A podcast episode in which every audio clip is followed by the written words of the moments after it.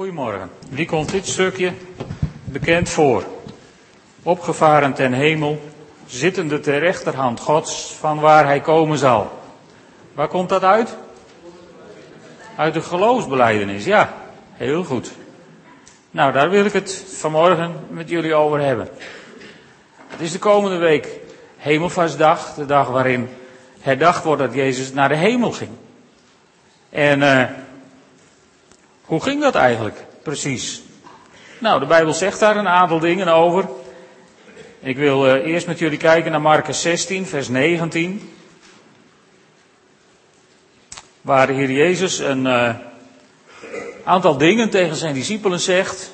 En dan staat er in de Bijbel, nadat hij dit tegen hen had gezegd, werd de Heer Jezus in de hemel opgenomen en nam hij plaats aan de rechterhand van God. Nou, dit wordt, hier wordt wel het feit vermeld, maar er wordt niets gezegd hoe, hoe je dat moet voorstellen, hoe dat er misschien wel heeft uitgezien. Lucas die geeft een iets uitgebreidere beschrijving in Lucas 24. Daar staat in vers 50, hij nam hen mee de stad uit tot bij Betanië. Dus dan weten we in ieder geval ongeveer waar het was.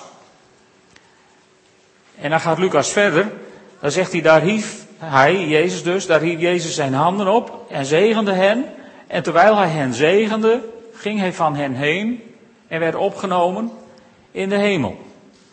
Nou, hebben we iets meer plaatje bij hoe het eruit zag. In Handelingen 1, vers 9, daar breidt Lucas het nog iets uit. Want daar zegt hij, toen Jezus dit gezegd had, werd hij voor hun ogen omhoog geheven en opgenomen in een wolk, zodat ze hem niet meer zagen. Dus Jezus heeft zijn discipelen de laatste instructies gegeven. Hij heeft ze meegenomen naar de Olijfberg richting Betanië. En op de Olijfberg, daar zegent hij hen en al zegenend gaat hij omhoog tot hij achter een wolk verdwijnt. Zo ziet het er ongeveer uit, denk ik. Tenminste, ik ben een simplistische bijbellezer, maar dit is, dit is wat ik lees. En uh, meer informatie hebben we er niet over. Over het opvaren van de Heer. We weten wel waar hij heen ging. Hij ging naar de hemel en daar zit hij aan de rechterhand van God totdat hij terugkomt. Is dat belangrijk? Ja, dat is heel belangrijk. Want wat betekent dat? Dat hij aan de rechterhand van God zit. Dat betekent dat hij de autoriteit heeft, de gedelegeerde autoriteit van de Vader heeft. Hij is letterlijk de rechterhand van God. En, en waar merk je dat in? Nou, om even bij de, de, de evangeliën te blijven waar we geweest zijn, in Marcus 16, vers 20. Daar staat, dat de discipelen op weg gingen om overal het nieuws bekend te maken. En dan staat er, de Heer hielp hen daarbij en zette hun verkondiging kracht bij met de tekenen die ermee gepaard gingen. Dat kon alleen maar omdat Jezus zat aan de rechterhand van God. Jezus was opgevaren naar de hemel en had plaatsgenomen in zijn ultieme autoriteit, daar waar hij voor was voorbestemd. Aan de rechterhand van God. En vanaf die plaats kan hij ons met kracht bijstaan in de dingen die op onze weg komen. Wat er ook op je weg komt, die kracht van God is altijd beschikbaar. Want hij zit aan de rechterhand van God en hij heeft de autoriteit om bij te staan wie hij bij wil staan. En zo zit hij op die plek. En de apostel Paulus die legt heel veel uit in, in de evangeliën dat wij in Christus moeten zijn in Hem. En stel je dat nou eens even heel fysiek voor in een plaatje. Als wij in Christus zijn, dan zijn wij, waar zijn we dan? In Christus. Dan zijn we aan de rechterhand van God. Dus met andere woorden, in Christus zijn ook wij de rechterhand van God op deze wereld. Begrijp je dat? Als God iets wil doen op deze wereld, als God een mens bemoedigd wil hebben op deze wereld, als God een zieke de handen opgelegd wil hebben op deze wereld, als God iets uitgesproken wil hebben op deze wereld, dan heeft hij jou nodig. De rechterhand van God. Uitgezocht om hem te vertegenwoordigen op deze aarde. Niet voorbehouden aan één man in Rome of aan uh, één, één voorganger in elke kerk. Nee, de rechterhand van God. Ieder van ons die in Christus Jezus is, is de rechterhand van God op deze aarde. En als je iemand tegenkomt en je voelt het hart van God kloppen in je binnenste, omdat God iets wil zeggen tegen iemand of iemand wil bemoedigen of iemand gewoon wil uitdagen, dan ben jij de rechterhand van God op dat moment, op die plek, voor die persoon. En dat kun je in alle gerustheid doen, want aan de rechterhand van God zit de autoriteit. Daarom zit Jezus aan de rechterkant van God. En dankzij de hemelvaart mogen ook wij in Christus weten wat onze positie is in de geestelijke wereld. De rechterhand van God. Dus er is eigenlijk niets om bang voor te zijn. De enige waar je nog onder wiens autoriteit je dan nog staat, is de Vader zelf. En al het andere is aan Jezus onderworpen, zegt de Bijbel. En als wij in Christus zijn, zolang wij in Christus zijn, is dus alles aan ons onderworpen. Als we daar uitstappen en niet meer in Christus blijven, dan hebben we een probleem. Dan kun je niet doen alsof alles nog aan je onder... Ja, je kunt het wel doen alsof, maar alles wat je dan onderworpen denkt te hebben, dat heeft daar geen boodschap meer aan. Dus Jezus ging naar de hemel al zegenend, opgenomen in een wolk. En dan zit hij nu aan de rechterhand van God. En dan zegt de geloofsbeleidenis van waar hij komen zal. Van waar hij komen zal. Er is de laatste tijd weer veel drukte over wanneer dat zal zijn. Het had kort geleden gemoeten, maar God heeft wat vertraging opgelopen. En nu is het vastgesteld op 21 oktober. Volgens één geleerde.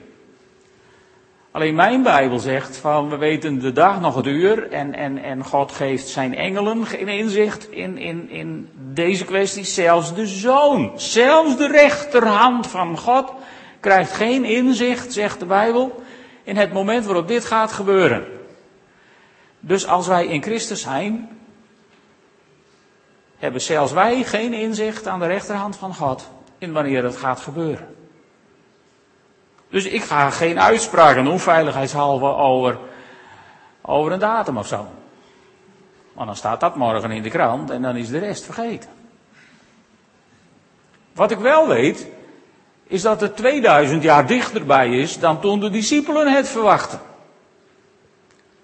Met andere woorden, we zijn menselijk gezien zijn we een mooi eind opgeschoten in de goede richting. Maar ja, de Bijbel zegt duizend jaar is voor God een dag en een dag als duizend jaar. Dus ja, wat zegt het helemaal? Mij niet zo heel veel. Maar wat ik wel weet, is dat we veel dichter bij de wederkomst zijn dan 2000 jaar geleden. Waar we het over lezen in de evangelie. En dan zegt de Bijbel ook nog dat de dag van de Zoon des Mensen zal komen als een dief in de nacht. Sommige mensen zeggen dat is dus heel stiekem en dat merken we niet. Nou, dat staat er niet. Een dief in de nacht, die, komt, die, merk je soms wel. Meestal als je, dat, als je je alarm goed voor elkaar hebt, dan gaat je dat niet ongemerkt voorbij. Alleen je weet nooit, hij stuurt geen briefje van ik kom over 14 dagen om drie uur s'nachts. Hij komt als een dief in de nacht, onverwachts. Maar dat wil niet zeggen ongemerkt. Dat moeten we even uit elkaar houden. Maar hoe zou dat dan gaan als Jezus terugkomt? Hoe zou dat eruit zien? Daar zijn hele verhalen over geschreven, boeken vol en films over gemaakt. Ik denk, laat ik ook eens een poging doen. Hoe zou dat eruit zien? Nou, we gaan even terug naar Handelingen 1. Jezus was opgenomen in een wolk, zodat ze hem niet meer zagen. En die mannen die staan waarschijnlijk met de mond open, staan die naar de lucht te kijken. Van wat heb ik nou? En dan ineens, zegt de Bijbel, terwijl ze nog steeds naar de hemel staren, stonden er opeens twee mannen in witte gewaden bij hen. Engelen dus, boodschappers van God uit de hemel. En die zeiden, Galileërs, wat staan jullie naar de hemel te kijken? Ja, vind je het gek? Ik bedoel, als ik zo doe en ik zou hier omhoog zweven en achter een wolk verdwijnen, zitten jullie ook een poosje naar boven te kijken, stel ik me zo voor. Dus zo raar was het niet dat die discipelen naar de hemel stonden te kijken, want die hadden net iets gezien wat ze nog nooit hadden gezien, waar ze zich geen voorstelling bij konden maken. Ik vind het niet zo verbazend hoor, ik snap wel waarom ze naar boven stonden te kijken. Ze waren nog lang niet bijgekomen van de schrik. Maar dan zeggen die boodschappers, die zeggen, Jezus, die uit jullie midden in de hemel is opgenomen, zal op dezelfde wijze terugkomen als jullie hem naar de hemel hebben zien gaan. Nou, gaan we het filmpje even achteruit draaien. Op een dag zie je dus een wolk. En uit die wolk komt al zegenend Jezus naar beneden op de Olijfberg. In mijn eenvoudige Bijbelvoorstelling. Zou het zo kunnen zijn? Dat is wat die engelen zeggen. Net zoals hij wegging, komt hij weer terug. Oké. Op dezelfde manier. Maar, maar er zijn wel wat dingen aan verbonden. Aan die manier. Want de Bijbel zegt daar wat meer dingen over. Om te beginnen, laten we beginnen bij de belangrijkste persoon. Namelijk de hemelvader hemzelf. Jezus zei daar wat over. In Matthäus 24, daar heeft Jezus het over de eindtijd en over al die tekenen die er zullen zijn. En daar, daar wil ik het vandaag even niet over hebben. Maar dan zegt Jezus in vers 30 van Matthäus 24. En dan moet je opletten. Dan zegt Jezus, dan zal aan de hemel het teken zichtbaar worden van de komst, dat de komst van de Zoon des Mensen aankondigt. Dat weten we dus niet precies hoe dat, wat voor is, dat staat er niet, maar het zal aan de hemel zichtbaar worden, zegt Jezus. En alle stammen op aarde, alle stammen op aarde, niet enkele, maar alle stammen op aarde, zullen zich van ontzetting op de borst slaan als ze de mensenzoon zien en komen op de wolken van de hemel, bekleed met macht en grote luister. Dus wel op de wolken van de hemel. Dat sluit aan bij handelingen 1. Hij werd opgenomen in een wolk. En zo zal hij ook terugkomen. Maar niet ongemerkt. Tenminste, ik lees. Ik lees dat niet. Dan zal aan de hemel het teken zichtbaar worden. En alle stammen op aarde zullen zich van ontzetting op de borst slaan. Er wordt nog wat aan toegevoegd. Het filmpje is nog niet compleet. In 1 Thessalonicense 4 vers 16. Daar staat wanneer het signaal gegeven wordt, de aartsengel zijn stem verheft en de bazuin van God weer klinkt, zal de Heer zelf uit de hemel neerdalen en dan zullen eerst de doden die in Christus, die Christus toebehoren, opstaan. Dus er wordt een signaal gegeven. De aartsengel zal zijn stem verheffen. En de bazuin van God zal weer klinken. De bazuin van God. Een soort mega fufuzela, zoiets. Met andere woorden, dat ontgaat je niet, volgens mij. Dus ik weet niet hoe jullie je dat voorstellen, maar ik denk als de aardse engel zijn stem verheft en de bazuin van God gaat weer klinken en alle stammen van de aarde zich op de borst gaan slaan, dan mis je dat niet. Openbaringen zegt er ook iets over. Openbaringen 1, vers 7, daar zegt Johannes over Jezus, hij komt te midden van de wolken. Daar heb je hem weer uit de hemelvaart. Weer die wolk. Hij komt dus te midden van die wolken, daar komt hij vandaan, uit het midden van de wolken komt hij vandaan. En dan zal iedereen hem zien, zegt de Bijbel. Ook degenen die hem doorstoken hebben, alle volken op aarde zullen over hem weeklagen. Ja, amen, zegt Johannes erachteraan in openbaringen. Met andere woorden, zo zal het zeker zijn. Dit was geen suggestie. Maar dit was een stellige positie die Johannes inneemt. Met andere woorden, als Jezus terugkomt, zal er dus de stem van de aardse engel zijn, de bazuin van God zal weer klinken, er zal een teken aan de hemel zijn en de hele wereld zal Jezus zien komen vanuit de wolken naar de aarde. En er staat niet bij dat dat wordt uitgezonden op God Channel, maar iedereen zal het gewoon zien. Kun je daar iets bij voorstellen? Nou, vast wel een beetje. Het zal in ieder geval zo zijn dat de hele wereld het merkt. En wat gaat er dan gebeuren? Nou, dan gaat er iets bijzonders gebeuren. We gaan even verder met 1 Thessalonicenzen 4.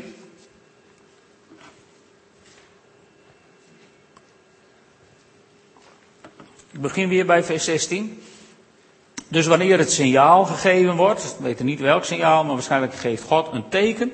De aardse engel zijn stem verheft en de bazuin van God weer klinkt, zal de Heer zelf, dus alzegenend, uit een wolk neerdalen op de aarde. En dan zullen eerst de doden die Christus toebehoren opstaan. Dus de mensen die in Christus zijn gestorven. Het is verdrietig als u geliefden verliest, maar er is een troost als je geliefden in Christus verliest. Als ze de Heer kennen. Want dan zegt de Bijbel, je zij zullen eerst opstaan, zodra, zodra de wederkomst van Jezus begint. En Jezus begint terug te komen, zullen de doden opstaan. En, maar daar is niet mee klaar. Dan staat er in vers 17, daarna zullen wij, wij, misschien moet je even om je heen kijken, over wie dat allemaal gaat. Wij, staat er, daarna zullen wij, die nog in leven zijn, samen met hem worden weggevoerd op de wolken. En gaan we de Heer in de lucht tegemoet en dan zullen we altijd bij hem zijn.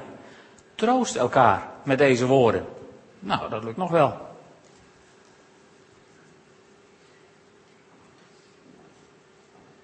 Paulus die zegt er nog iets over in 1 Corinthians 15. Twee versen hoef je niet op te zoeken. 1 Corinthians 15, 1 Corinthians 15, vers 51 en 52. En dan zegt Paulus, ik zal u een geheim onthullen. We zullen niet allemaal eerst sterven. Dat legt hij in Thessalonicensen ook uit. We zullen niet allemaal eerst sterven, toch zullen wij allemaal veranderd worden. Met andere woorden, die doden die opstaan, die krijgen een nieuw leven. En wij krijgen een nieuw lichaam. Want het oude lichaam is vergaan tot stof der aarde. Dus ze krijgen een nieuw lichaam. En ook wij zullen een nieuw lichaam krijgen. En dat zal nogal vlot gaan. Want Paulus zegt in een ondeelbaar ogenblik, in een atoom van de tijd, zegt hij in het Grieks. In een ondeelbaar ogenblik, in een oogwenk. Let op, wanneer de bazuin, daar heb je die bazuin weer, het einde inluidt. Wanneer de bazuin weer klinkt, zullen de doden worden opgewekt met een onvergankelijk lichaam en zullen ook wij veranderen. Dit is hetzelfde moment wat hij in 1 Thessalonicenzen 4 beschrijft. Dus wij zullen wel meegaan, maar niet in het lijf waarin we nu hier zijn. Waar dat lijf blijft zo gauw, dat weet ik niet. Daar zegt de Bijbel ook niks over. Maar wat, wat mij opvalt is dat als je, als je bijvoorbeeld naar de films kijkt die erover zijn gemaakt, dan zie je allemaal films waarin plotseling, volkomen onverwachts, als het ware stiekem, allemaal mensen overal zijn verdwenen uit het proces. En niemand op de wereld snapt waar iedereen is gebleven. En daar heb ik me afgevraagd, want dan denk ik, als nou de aartsengel zijn stem verheft en God op zijn bazuin blaast en alle volken op de aarde zich weeklagend op de borst slaan om hem die zij doorstoken hebben, waarom snappen ze dan niet waar iedereen gebleven is? Maar misschien ben ik te simplistisch in dit verhaal. Er moeten dus andere visies zijn, laat ik het zo maar zeggen. Misschien hebben ze het ook wel goed. Dat weet ik niet. Maar als ik het verhaal gewoon simpel lees, dan denk ik, nou, het is een oorverdovende toestand als Jezus terugkomt op de wolk.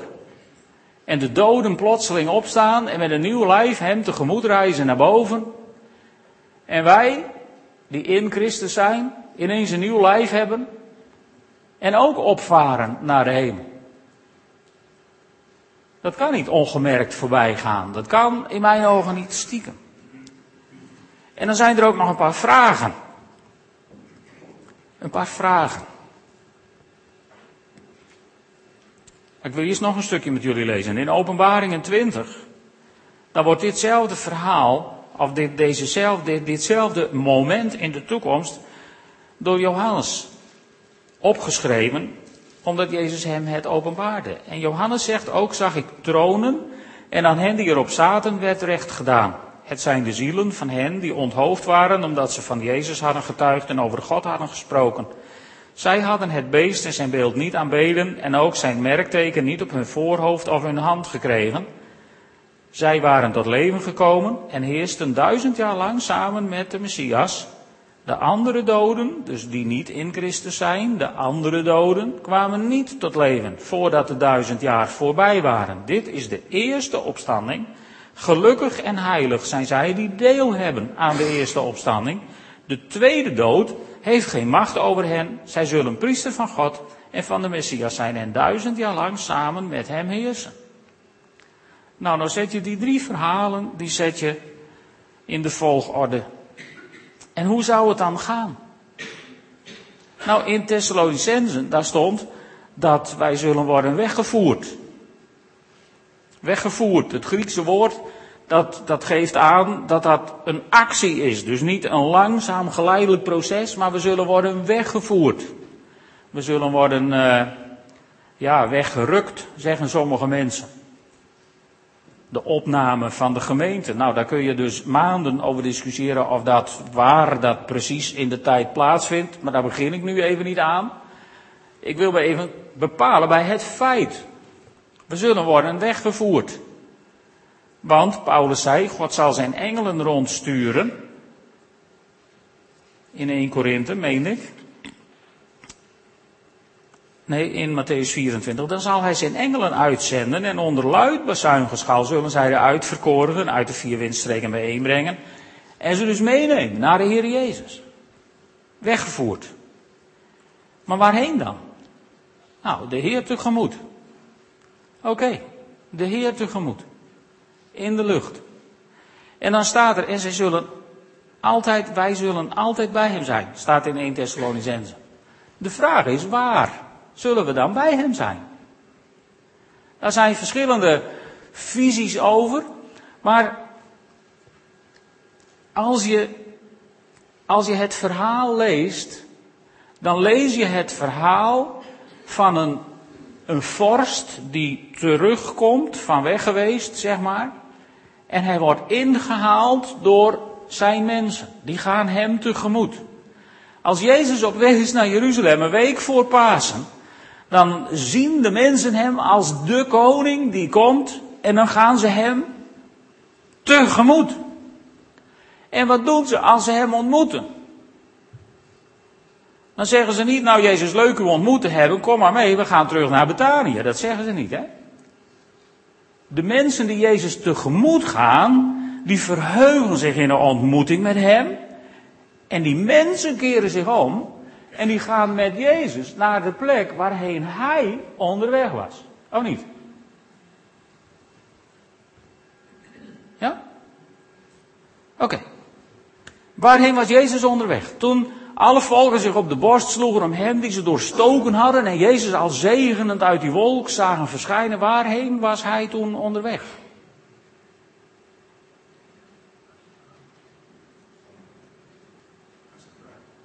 Naar de aarde, zullen we dat met elkaar aannemen? Even. Hij was onderweg naar de aarde.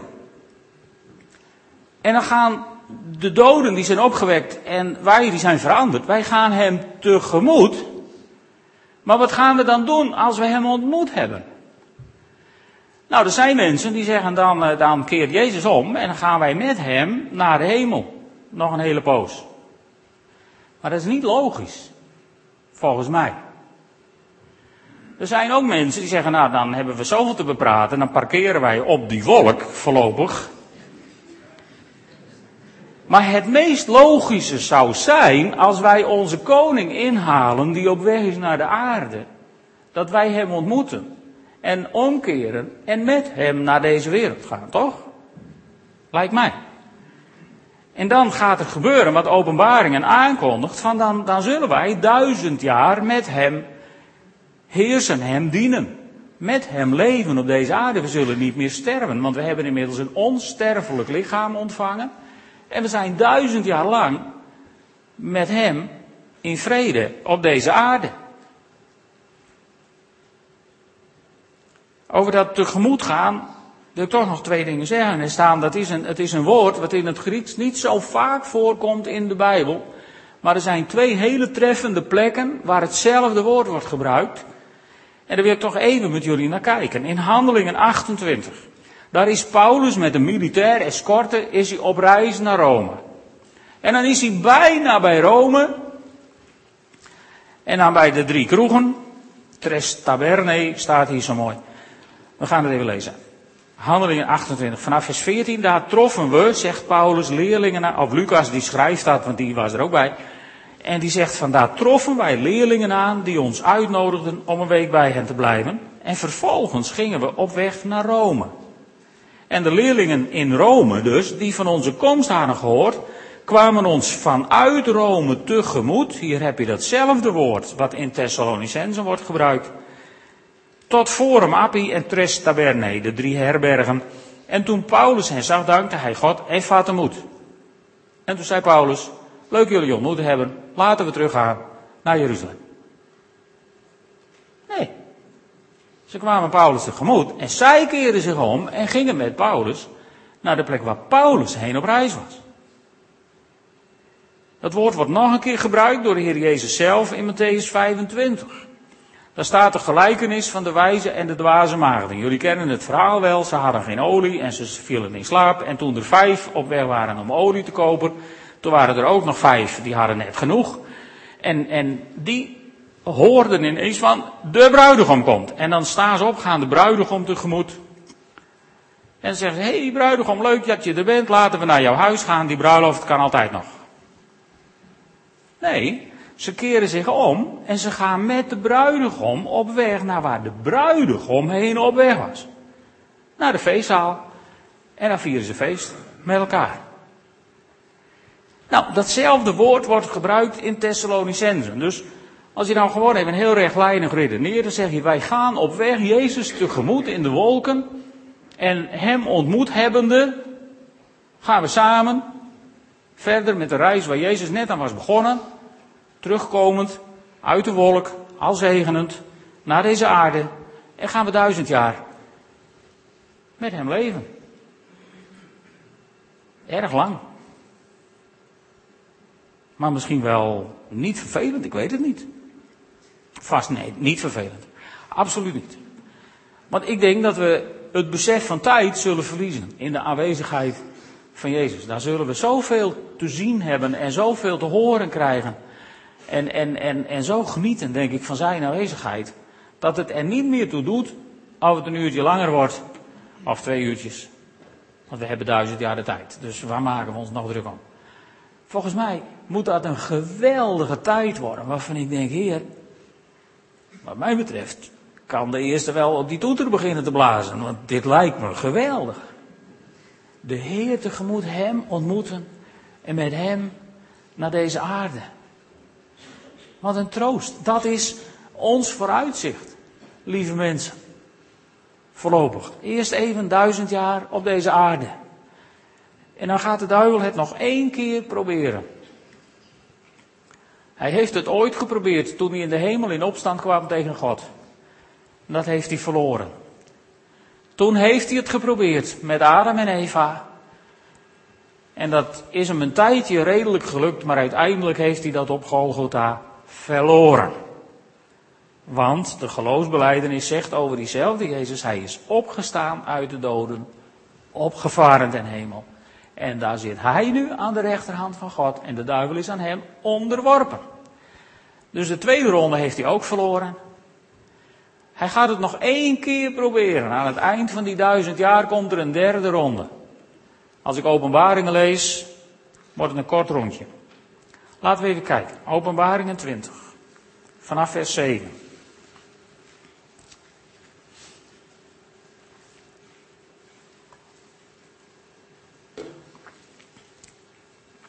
Wanneer de duizend jaar voorbij zijn, zal Satan uit zijn gevangenis worden losgelaten. Dit zullen we niet begrijpen, hè? Door God had hem in de gevangenis, waarom liet hij hem los? Nou, dat weten we niet. Maar dit is het plan van God. Dus laten we ons daar niet mee bemoeien. Laten we dat aan God overlaten. En dan gaat hij erop uit om de volken aan de vier hoeken van de aarde, Gog en Magog, te misleiden. Hij brengt hen voor de strijd bijeen, een menigte zo talrijk als de zandkorrels aan de zee. Ze trekken op over de hele breedte van de aarde en omsingelen het kamp van de heiligen en de geliefde stad. Dus Jeruzalem zal dan dat middelpunt zijn van die geliefde heiligen. Maar vuur daalt neer uit de hemel en verteert hen. Het wordt echt een kort rondje. Geen lontje, maar een rondje. Een kort rondje. Vuur komt uit de hemel en verteert hen. En de duivel die hen misleidde, wordt in de poel van vuur en zwavel gegooid. Bij het beest en de valse profeet. Die zaten daar dus kennelijk al. En daar zullen ze dag en nacht worden gepijnigd tot in eeuwigheid. Toen zag ik een grote witte troon en hem die daarop zat. De Vader dus. Voor het eerst zien we de Vader. De aarde en de hemel vluchten van hem weg en verdwenen in het niets. Ik zag de doden, jong en oud, voor de troon staan. Er werden boeken geopend. Toen werd er nog een boek geopend, het boek van het leven. De doden werden op grond van wat in de boeken stond geoordeeld naar hun daden. Wij dus niet meer, hè, want wij zijn dan inmiddels duizend jaar met Heer Jezus op deze aarde. Dit gaat niet meer over ons. Dit gaat over de mensen die in 1 Thessalonicenzen 4 en in 1 Korinthe 15 zijn achtergebleven. Wij niet meer. Wij hebben al een nieuw lichaam en in Christus. Er is geen oordeel voor hen die in Christus Jezus zijn. Zegt Paulus in Romeinen. Dus dit gaat niet meer over ons, dit gaat over anderen. En dan staat er, de doden werden op grond van wat in de boeken stond geoordeeld naar hun daden. Nou, dat kan niet over ons gaan, want als je in Christus bent, word je niet geoordeeld op je daden, je wordt geoordeeld op je geloof. Wij zijn gered niet door onze werken, maar door ons geloof, zegt de Bijbel. Zijn we dat met elkaar eens? Want dat is uiteindelijk de kern van de kern van de Reformatie, waar het bij Luther al om ging. Geloven alleen. Dus op grond van ons geloof zijn wij gered. En de mensen die het zonder Christus hebben geprobeerd, die zullen het op grond van hun daden moeten doen. En de zee stond de doden die ze in zich had af. En ook de dood en het dodenrijk stond hun doden af. En iedereen werd geoordeeld naar zijn daden. Toen werden de dood en het dodenrijk, dus nog niet die mensen, hè, toen werden de dood en het dodenrijk in de vuurpoel gegooid. Dus daarna gaat er niemand meer dood.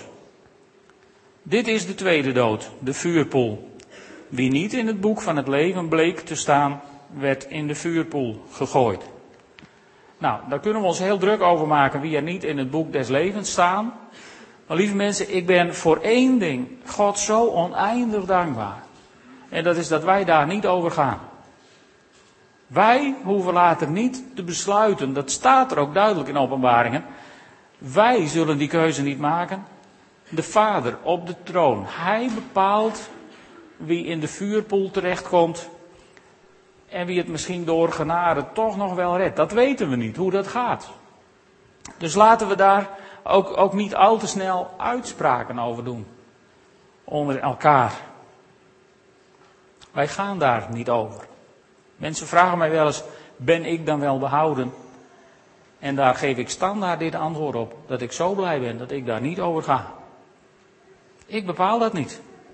Dat betekent dat ik dus ook niet tegen iemand ga zeggen, nou, zo is het wel ongeveer goed, zo ben je er wel, want ik ga daar niet over. Gelukkig niet. Laten we dat onder elkaar ook niet doen. Want dan ga je met de vinger wijzen en dan ga je oordelen en dan ga je dingen doen die je niet wilt onder elkaar. Goed, wat hebben we nou gezien? We hebben gezien, volgens mij uit het woord, dat Jezus al zegenend werd opgenomen van de aarde, verdween achter een wolk, is gaan zitten aan de rechterhand van God, waar hij zijn autoriteit gebruikt en aan ons geeft als Gods rechterhand, om op deze aarde God te vertegenwoordigen. Een heilige missie. Voor ieder van ons. En op een dag zal God een teken geven en zal de engel zijn stem verheffen en zal God op zijn bazuin blazen. Dat is vast indrukwekkend. En dan zal er een teken aan de hemel verschijnen. En dan zal de mensenzoon vanuit de wolken al zegenend terugkomen op deze aarde. En iedereen zal het zien, zegt de Bijbel. Iedereen zal het zien. En dan zullen de doden die in Christus gestorven zijn opstaan. En de mensen die nog leven in Christus, die zullen in een ondeelbaar moment zullen die veranderd worden. Dus daarmee is elke theologie over een geleidelijk verbeteringsproces, waardoor wij uiteindelijk een nieuwe schepping worden, die wordt door de Bijbel met één onderuit gehaald. In een ondeelbaar ogenblik zullen wij door God veranderd worden. Het is geen menselijk proces, het is geen resultaat van onze inspanning, het is een actie van God. En dan zullen we de Heer tegemoet gaan. Om Hem op te halen, volgens mij. En feestelijk mee te nemen. Al Hosanna roepend misschien wel weer naar deze aarde. En dan zullen we duizend jaar met Hem zijn. En daarna, ja, dan volgt die moeilijke episode waar wij niet over gaan en ook niet in betrokken zullen worden, denk ik. En dan zal de nieuwe hemel en de nieuwe aarde daar zijn. En dan wordt die duizend jaar opgerekt tot eeuwig. Ben je daarbij? Ik ga daar niet over. Maar ik vraag het u persoonlijk, ben je daarbij? Hebt u uw hart aan Jezus gegeven? Hebt u zaken gedaan met de redder van alle mensen op deze wereld die hun knieën buigen voor Jezus? Zo niet, dan kan dat vandaag. Ben je erbij? Dan kun je zometeen uitbundig met ons juichen als we die laatste twee liederen gaan zingen die nog zijn voorbereid. Ben je erbij? Ben je erbij? Ik heb een geweldig nieuwtje voor je. Als je zegt, ja, ik ben er wel bij, maar de doop bijvoorbeeld weerhoudt mij nog. Misschien denken jullie wel, er zit, nu water, er zit nu geen water in hoor. En die krijgen we ook zo gauw niet vol. Hooguit uit de brandslang, maar dan wil ik er niet in. Maar we hebben weer een doopdienst gepland. Voor de vakantie kun je nog gedoopt worden. Misschien denk je, die stap van gehoorzaamheid heb ik nog niet gezet. Nou, ook dat bieden we je aan voor de zomervakantie. Ga er eens goed over nadenken, lieve vrienden, de komende week. Ben je erbij? En als het donderdag hemelvaartsdag is, hoop ik dat je even de tijd neemt om je voor te stellen hoe Jezus wegging en hoe hij dus weer terugkomt. Laat dat eens even in je omgaan en vraag je dan eens even af, ben ik erbij? En als er twijfel in je hart is, stort jezelf in de armen van Jezus en ervaar zijn verlossing. Zullen we gaan staan en samen bidden?